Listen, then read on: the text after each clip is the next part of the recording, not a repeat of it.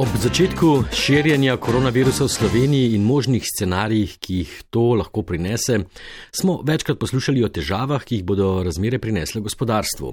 No, vlada se je med drugim na te težave odzvala tudi s tem, da so sprejeli interventni ukrep delnega povračila nadomestila plače, ki je zajel delavce, ki delo upravljajo na podlagi pogodbe o zaposlitvi in so kot takšni v odvisnem položaju do delodajalca. No, ta pa je izuzel samo zaposlene.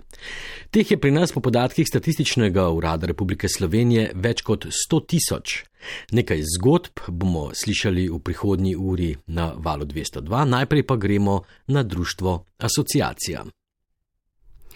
Društvo Asociacija, ki je v Sloveniji krovna organizacija za neodvisne organizacije in samozaposlene, ki delujejo na področju kulture, je kmalo po sprejetju ukrepa Sveta za nacionalno varnost o prepovedi izvajanja javnih dogodkov v zaprtih prostorih z javnim pismom opozorila javnost, da bo to prineslo velik izpad dohodka, predvsem za samostojne ustvarjalce, pa tudi za nevladne organizacije in druge producente kulture. O položaju teh sta nam več povedala gledališki režiser Jure Novak in predsednica gledališča Glej, ki je tudi predsednica društva Asociacija Inge Remeta. Naš telefon, ki ga imamo na asociaciji, zvoni, ljudje so res obupani in jočejo po telefonu. Ljudje so res na robu preživetja. Ko govorimo o samozaposlenih na področju kulture, je že v običajnih okoliščinah dve tretjini tistih, ki živijo pod pragom revščine danes, ko se soočamo s situacijo, kakršna je, uh, lahko rečemo, da je pač to zelo uh, usodno. Gre za ljudi, ki v bistvu živijo in preživljajo od direktnega prihodka, ki je vezan na dogodke in uh, stvari, ki se izvajajo. Po moje gre predvsem za to, da se tukaj v bistvu samo zelo akutno vzpostavlja pač neko stanje, ki ga vsi ti ljudje doživljajo vsakič, ko so recimo sami bolni. Ne? Se pravi, tukaj, če govorimo čisto o tem najbolj preprostem, kaj so ljudje, ki so odvisni od nastopov, ki zdaj odpadajo, to se njim zgodi vsakeč, ko so prehlajeni, ker jim odpadajo nastopi. Kar pa je zdaj razlika, je pa, da se bo to zgodilo vsem naenkrat. Tako da mi že vse čas opozarjamo, tudi sam sem dejaven na področju kulturne politike, na pač te, bom rekel, razrede, ne, da smo v različnih razredih državljani glede na obliko zaposlitve in seveda prekarstvo, oziroma prekerstvo pomeni nevarnost.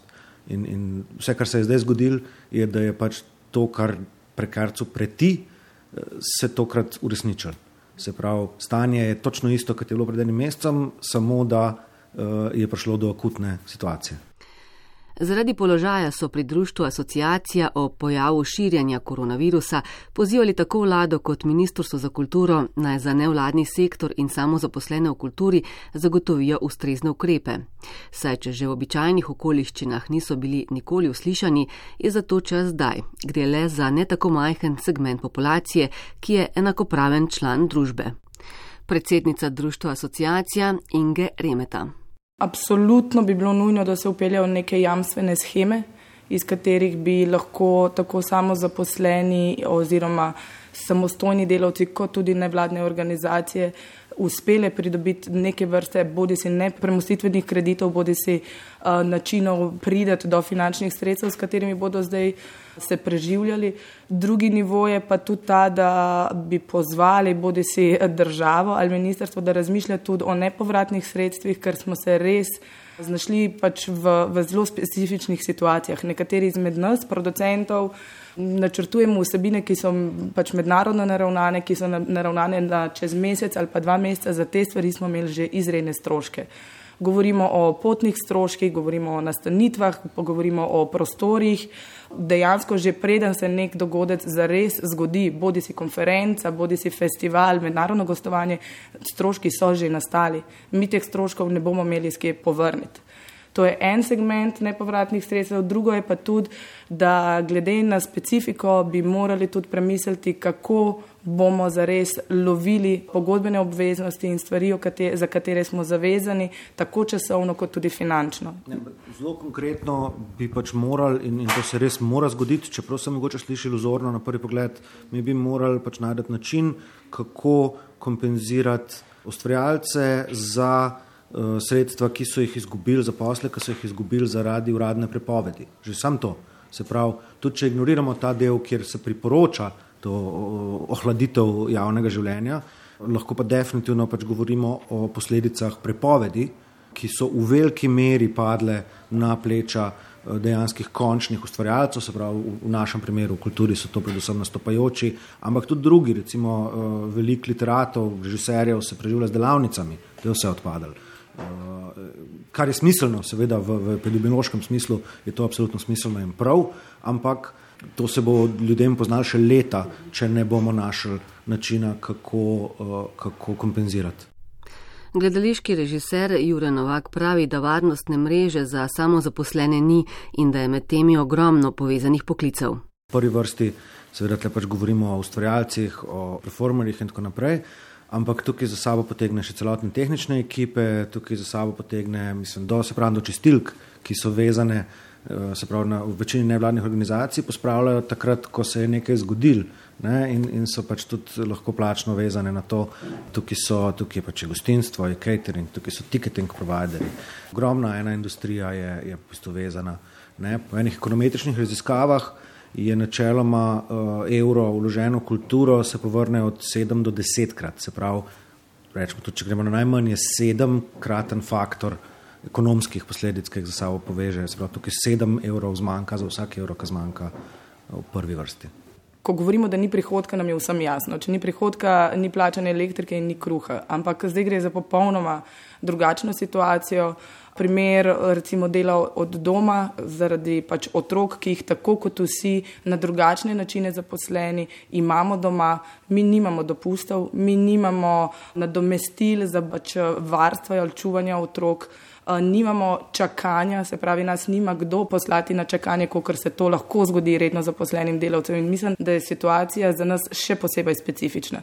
Je pa tudi res, da se pač prav danes sklepa in urejajo pač interventni zakoni tudi za področje samozaposlenih, ampak na tej točki bi apelirali tudi Ministrstvo za kulturo, da pri tem res aktivno sodeluje, ker jim je oziroma bi morala biti situacija in specifika tega dela sektorja, ekosistema kulture najbolj znana, res ni hec. Zelo konkreten primer je plačevanje prispevkov. Ne? Se pravi, tako SP kot samo zaposleni, ki nimajo pravice do plačevanja prispevkov iz strani Ministrstva za kulturo, katerih je več kot tistih, ki jih imamo, morajo plačati na mesec čez 300 evrov samo za prispevke in uh, to osnovno zdravstveno zavarovanje. In teh 300 evrov ni se pravi, pač, ker zginejo, recimo tisti, ki je glasbenik, ki mora odigrati 5-6 koncertov na mesec, zato da nabere eh, minimalno ali pa uh, poprečno plačo, pač zdaj ne bo. Absolutno pa bo uh, FURS zahteval od njega plačilo teh prispevkov na koncu meseca. Ne? Tudi če pustimo pri strani vse ostale položnice, kredite, če jih je kdo dejansko dobil, tle bi se dal tudi na nekem sistemskem nivoju izvesti neke ukrepe v smislu zamrznitve odplačevanja kreditov, v smislu uh, zamrznitve odplačevanja prispevkov za vse te samozaposlene za ta čas, dokler je pač javno življenje ustavljeno. Kot še dodaja Jure Novak, status samozaposlenega oziroma SP-ja obstaja z namenom, da se popravlja uradne statistike o zaposlenosti, da se jih obravnava kot delodajalce, ki zaposlujejo samega sebe, da se na nje prelaga breme v povezavi z bolniškimi odsotnostmi, dopusti in vsem, kar delavcu pripada po zakonu. Oni pa so podjetja. Zato, ker nas že v štartu tretirajo kot podjetja. So nas tokrat pač tudi, in to zelo mehna podjetja, ker nimajo vpliva v gospodarski zbornici, so nas pač tudi tokrat gladko prezrli. Sej, seveda, ko smo mi pač na to že pripravljeni in smo zelo hitro reagirali, zdaj jemljajo to nazaj in najavljajo nekatere ukrepe. Ampak je pa simptomatično to, da, da nas že v štartu uh, niso upoštevali. Zato pri društvu asociacija pozivajo tudi delodajalce, tako javne zavode kot nevladne organizacije in poslovne pravne osebe, naj izplačajo avtorske honorarje in plačajo ljudi za opravljeno delo oziroma za dela, ki so se ustavila tik pred realizacijo, da se finančni tok ne ustavi popolnoma, ker gre res za kritično skupino ljudi. Veliko krat slišimo, da so med več kot 100 tisoč samozaposlenimi po večini kulturni delavci. No pa je med samostojnimi podjetniki tudi veliko ljudi z področja gostinstva, pa izobraževanja in seveda turizma. Naslednja sogovornica Veronike Gnezda je turistična vodnica. Turistični vodnik pri nas ni uradno priznan poklic, zato je večina ljudi, ki ga opravlja, samo zaposlena. Med njimi je tudi turistična vodnica Tina Hudnik, ki pravi, da je težko reči, koliko točno turističnih vodnikov ima prijavljen SP, ampak tistih, ki imajo kot glavno dejavnost potovani povezano dejavnost, je malo čez 400. Tina Hudnik, ki je tudi soustanoviteljica spletne akademije G-Guides za izobraževanje turističnih vodnikov, pravi, da so bila zdaj vsa naročila in potovanja preklicana, zato je sezona izgubljena. Ja, jaz v bistvu ne poznam nobenega turističnega vodnika, ki bi bil zaposlen pri agenciji za nedoločen čas. Tako da večinoma smo vodniki vsi na SP-jih in uh, ja, naša sezona je izgubljena. Ne? Zato, ker treba se zavedati, da tako kot turistični vodniki, v bistvu potovanja so ena taka luksuzna dobrina, zdaj, ko pomislimo. Ne? In ko nastopi gospodarska kriza, ponavadi ravno turizem najdlje potrebuje, da pride do nekega okrevanja. In tukaj se lepo pozna, če pogledamo za primer, recimo 11. september 2001, ta terorističen napad. Potem, ko se je zgodil, je turizem potreboval še dve leti, da se je nekako vrnil v pozitivne številke in potem še nadaljnih pet let, da so prišli nekako na pozitivno rast. Se pravi, sedem let je bila doba okrevanja po terorističnem napadu na dvojčka. Treba se je pa zavedati, da v primerjavi s tisto krizo je ta kriza še toliko večja, ker potegne toliko več stvari za seboj. In uh, dejansko, potem, ko se bojo vse ostale panoge pa poklici že opomogli, bo turizem rabu še precej več časa, da bo potem prišel na zeleno vejo. In jaz mislim, da smo prišli do faze, kjer potovanj takšnih, kot so bila včasih, turizma takšnega, kot smo ga poznali včasih, ne bo več. Tako da zdaj je čas, da se razmisel, zdaj je čas, da se vlaga malo v izobraževanje, v razvoj, da se nekako prestrukturira ta poklic turističnega vodnika, ne, da se poišče neke nove možnosti. Kot pravi Tina Hudnik, moraš kot turistični vodnik vedno spremljati smernice, skrbeti za svojo spletno stran, se izobraževati, a od tega denarja ni. Tist, ki ni razmišljal o teh stvarih vnaprej, ne, da si je v bistvu pri tem, kar si je postavil osnovno ceno, zagotovil toliko višjo ceno, da si je te stvari noter uračunal, ima potem zdaj hudo krizo, zato ker dejansko ne more iz dneva v dan preživeti. Ne. Jaz tukaj v bistvu sama apeliram, da je mogoče zdaj čas, nazaj stvari ne moramo spreminjati. Ne.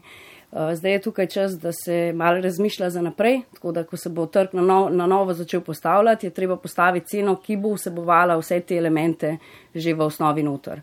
Uh, zdi se mi pa tudi v bistvu zelo pomembno, da pri komunikaciji z vladnimi inštitucijami in pa z vlado ne apeliramo zdaj takoj na njih, da računamo, da nam bo zdaj vlada takoj priskočila na pomoč, ker zavedamo se, da ne, turizem je samo ena od panog ali pa recimo kultura, spet samo ena od panog. Zagotovo bomo veseli vsake pomoči, vendar se zavedamo, da so tukaj v bistvu širši problemi in zajemajo celotno gospodarstvo. Tako da upam, da se bo kaj zgodilo, ampak ne računamo pa izključno na to. Mi se moramo v bistvu nekako zanesti sami na sebe. Čeprav se zdaj v povezavi z SP-ji govori o ukrepih, kot so obročno plačevanje in premustitveni krediti, se turistični vodnici Tini Hudnik postavlja vprašanje, ali je dolgoročno to dobro. Namreč vsak kredit, tak ali drugačen, moraš poplačati. Poleg tega pa je večna zgodba samostojnih podjetnikov, ne le zdaj v času krize, bolniška odsotnost, ki si jo moraš zagotoviti sam, dopust, ki si ga moraš zagotoviti sam, vsa vlaganja v izobraževanje in marketing, ki si jih moraš financirati sam. Vedno, ko smo govorili o postavljanju cene za turistične vodnike, smo rekli, da ja, okay, vodnik se mora veliko stvari naučiti. To, da jaz lahko eno stvar odvodam, odpeljem. To pomeni, da moram ogromno enih knjig prebrati, ogromno ene literature. Tukaj je leta in leta študija v zadnjem. Potem pa grem na samo vodenje in recimo odpredavam svoje v dveh urah in potem meni reče, wow, ne, ti pa imaš res bajen zaslužek. Mogoče se tako zdi, vendar tukaj zadaj so leta truda in leta študija v zadnjem. Zdaj pa, če bi zraven upoštevali pa potem še te marketinške dejavnosti, če bi pa zraven upoštevali pol še, se pravi to, da vem, vsak strošek, ko greš na sejem, si ga v bistvu sam plačaš, ne? da spremljaš te stvari.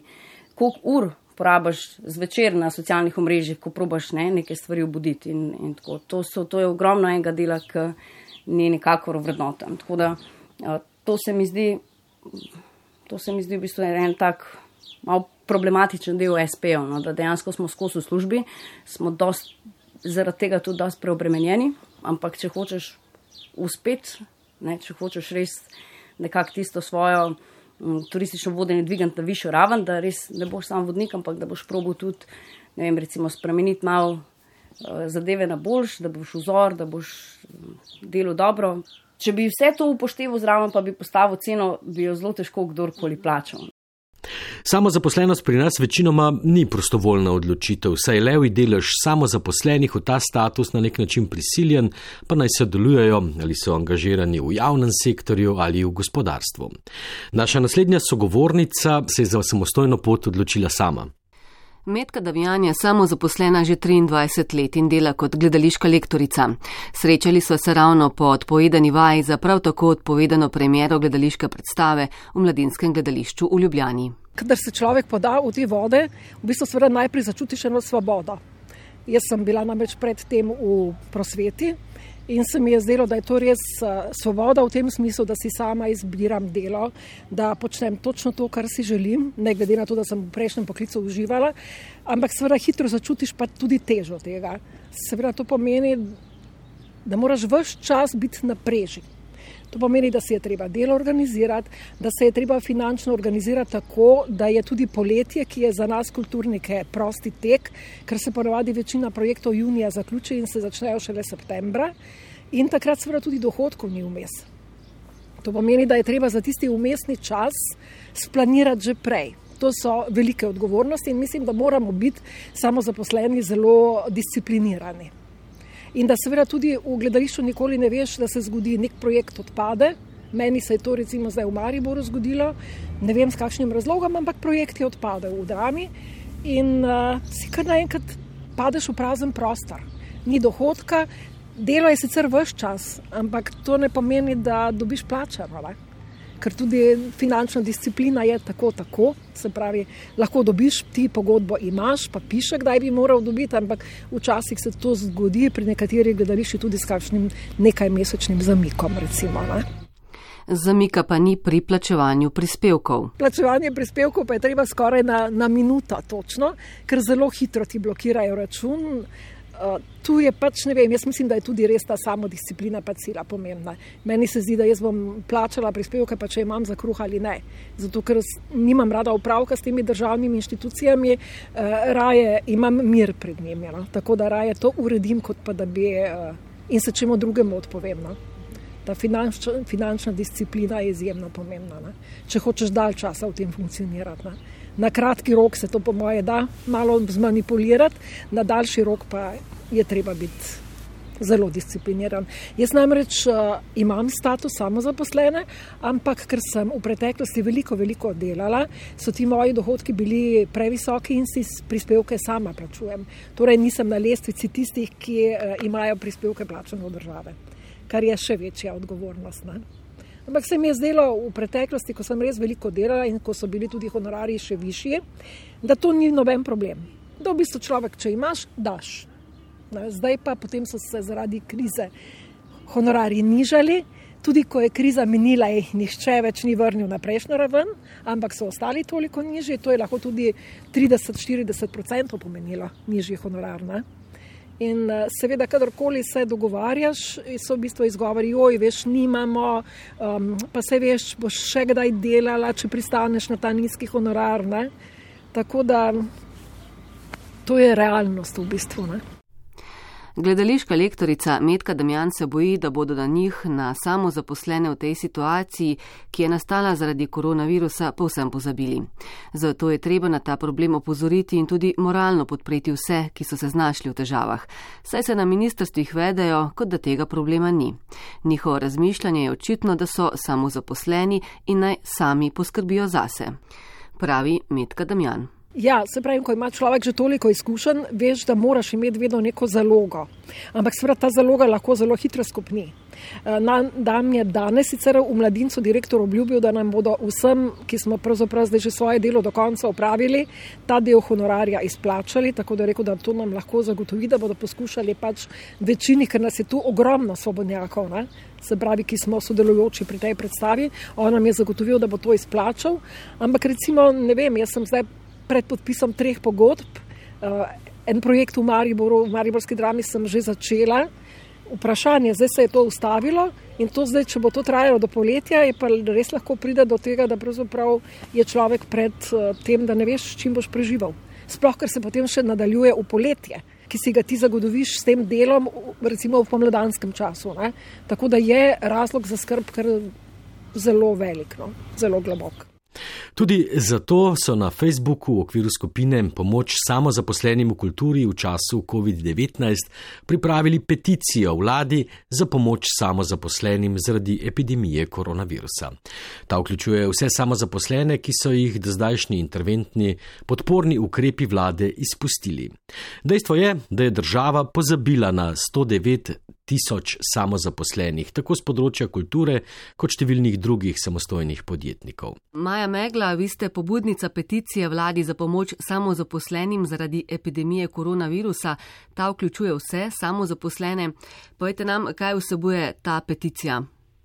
Najprej, če dovolite, bi samo razčistila to, kaj samo zaposleni so, zato ker opaža, da je veliko neznanja pa nevednosti, kdo je sploh je ta skupina. To je 106 tisoč posameznikov, kar pomeni 10,8 odstotkov delovno aktivnega prebivalstva. To se pravi, gre za ogromno maso ljudi. In to so tako SP-ji, kot naprimer samo zaposleni v kulturi, s tem, da slednjih je zelo mali delež tega. In te samo zaposleni plačujejo kot kdorkoli drug redne obvezne dejatve, to pomeni davke in prispevke za socialna zavarovanja. In zdaj, če vzamemo samo prispevke za socialna zavarovanja in sicer zakonsko določen minimum, kar je 400 evrov, ta masa ljudi mesečno prispeva v državno blagajno 42,4 se mi zdi milijona evrov. In če to pomnožite na leto, je to pol milijarde samo za prispevke za socialna zavarovanja, brez davko. Gre za ogromno maso denarja. Te ljudje so pridni, mrljivi, delovni, to so šivilije, avtoprevozniki, učiteljce, ne vem, dopolnilnih poukov, maserke, pedikerke, ki skrbijo za starostnike, glasbeniki, športni voditelji, skratka, zelo pestra, raznolika in pomembna masa, ki prispeva k dobrobiti našega življenja. Se pravi, o teh ljudeh govorimo ostali so brez slehrne pomoči. Država je za predlogi interventnega zakona predvidela določene oblike pomoči, ampak izključno za podjetja. In to je nastalo pod prejšnjo vlado. Sedanja vlada ima priložnost, da ta interventni zakon, predlog, dopolni in spremeni tako, da bo v dobrobit vseh državljanov pomoč imajo samo podjetja. Za podjetje je predlagano 40 odstotkov nadomestila plače v primeru, če gre kdo na čakanje in v primeru karantene, skratka jim pomagajo s tem, da krijejo seveda nadomestilo za, za plačo samo zaposlenim niso dobili ničesar, nikakršne pomoči. In to, kar je bilo včeraj po medijih, da je predlog, da gre v smer odloga plačil, to se pravi teh obveznih plačil za socialna zavarovanja, ta smer odloga, to se pravi odlog plačil, to je samo gesta bančništva in kreditiranja. Odlog bo te ljudi ošibil in uh, se bojo znašli samo popolnoma zadolženi. Skratka, to ni nobeno reševanje, to ni nobena pomoč. Če bo šlo v to smer, se bo ustvarila resna socialna bomba, mislim, to vodi v socialni genocid. To ne more človek drugače in lepše reči. Naša pobuda je bila v smeri dveh konkretnih pobud in sicer uh, to, da naredi nekaj s tem obveznim plačilom mesečnih prispevkov za socialna zavarovanja ali da država krije minimum mhm. tega izplačila. Ne? Uh, drugi je šel pa v smeri, da so vsi ti ostali popolnoma brez kjerkoli prihodka, to se pravi, nimajo niti ne od česa živeti, kaj šele potem čez čas ponovno aktivirati svojo dejavnost in plačevati vse prispevke in da jim pač država krije določen delež razlike do neto plače. Uh mhm. -huh. Se pravi, da gre in za pomoč pri plačevanju obveznih prispevkov in za pomoč preživetja v teh kriznih časih. To dvoje. Ker ste rekli, teh ljudi je pravzaprav več kot 100 tisoč. 106 tisoč jih je po zadnjih podatkih decembra 2019. Mi pa javljajo ljudje ravno uh, danes zjutraj, da tudi ti, ki so hoteli zapreti speje, to se pravi, da bi se zavarovali pred mhm. to negotovostjo, ki jih čaka, nekih odlogov, uh, ki jim stoji na glavi, nekih plačil, ki jih bojo morali v prihodnosti plačati. Veliko ljudi je hotel SP-je zapreti, te dni jih ne morejo. Uh mhm. -huh. To se pravi, da so še v toliko večjih stiskah, ker niti ukrepati ne morejo, zaščititi se ne morejo, lahko jih pa čakajo neki odlogi, ki jih bojo uničali. To je, ne, ne bojo mogli zdržati s temi vsemi krediti in obremenitvami v prihodnosti. Teh ljudi se ne more pustiti uh, brez pomoči, samo za to gre.